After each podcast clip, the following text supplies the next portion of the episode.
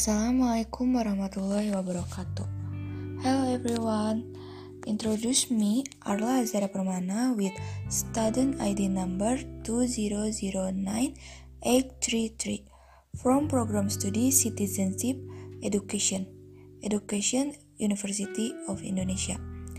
In this podcast, I will answer the question from Listia. I agree with what was conveyed by Group 5 that the character building step according to Najib Sulhan are effective for character building in children because in this step various learning models or method are used. The learning model or method is used in learning by adapting to the children's development, children's ability, and the material to be delivered.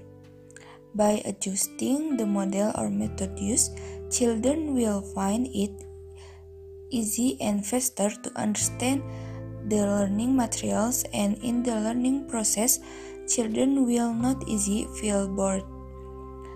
In the character education step, according to Najib Sulhan, in this explain that in character education in children, a teacher must carry out monitoring on children continuously. In the case, the teacher is required to continuously monitor the development of each children and write down each of these developments and evaluate it.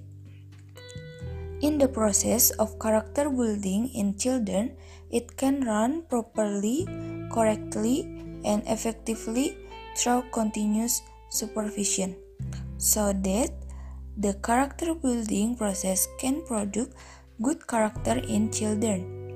That's all I can say on today podcast. Sorry an error has occurred.